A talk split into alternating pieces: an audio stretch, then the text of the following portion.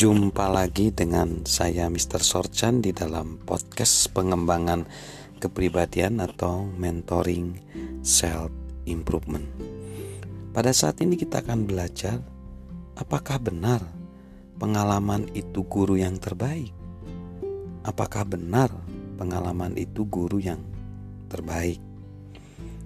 Di dalam kehidupan seseorang ya, yang terus bertambah secara usia, secara umur, mereka akan mengetahui bahwa ada pengalaman-pengalaman dalam kehidupan mereka.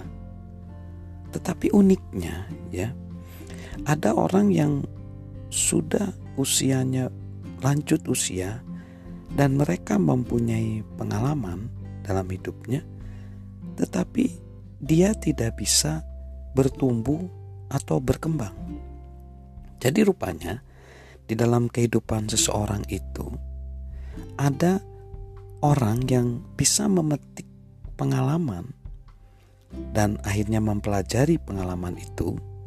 Namun ada yang mereka hidup saja penuh dengan pengalaman tetapi mereka tidak memetik pelajaran daripada pengalaman tersebut. Jadi sebenarnya bagaimana sih kita memperlakukan pengalaman. Jadi sebenarnya pengalaman itu tidak mengajarkan apa-apa kecuali kalau pengalaman itu kita evaluasi dan dia mengajarkan sesuatu kepada kita. Jadi bisa aja sih orang mempunyai kehidupan misalnya dalam kepemimpinan atau dalam pekerjaan mungkin sudah 25 tahun dia bekerja tetapi tidak memperoleh pengalaman 25 tahun. Karena apa?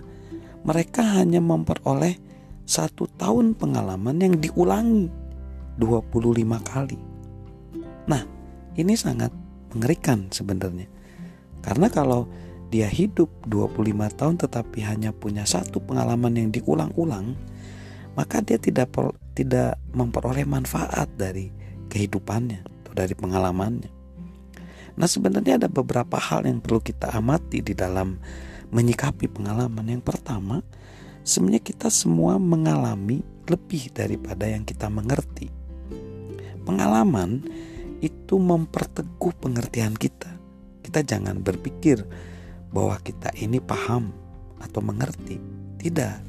Justru pengalaman akan memperdalam pengertian kita Pengalaman akan memperdalam pengertian kita. Lalu yang kedua, sikap kita terhadap pengalaman yang mungkin tidak direncanakan dan tidak menyenangkan itu menentukan pertumbuhan kita. Ada seorang ahli leadership, Steve Penny dia ngomong, hidup itu penuh dengan jalan memutar yang tidak terduga, keadaannya terjadi yang nampaknya kadang memotong rencana kita. Belajarlah untuk kita mengubah jalan memutar kita, mencari kesenangan.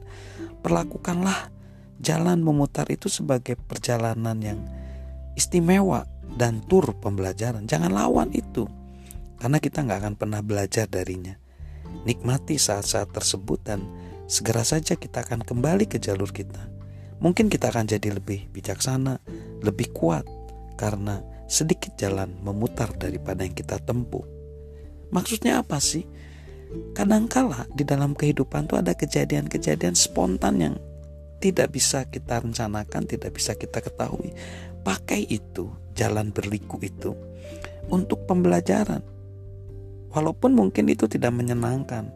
Karena justru kadang-kadang pengalaman tidak menyenangkan itu bisa menjadikan kita lebih bijaksana karena kita tahu bahwa pengalaman tidak menyenangkan itu di baliknya itu ada hikmah. Nah, jadi pengalaman sebenarnya kalau tidak diambil pembelajarannya manfaatnya itu nggak berguna sama kita. Jadi sebenarnya pengalaman itu bukanlah guru yang terbaik. Guru yang terbaik adalah pengalaman yang kita evaluasi, yang kita koreksi sehingga kita memetik pelajaran darinya. Salam sukses luar biasa dari saya, Mr. Sorjan.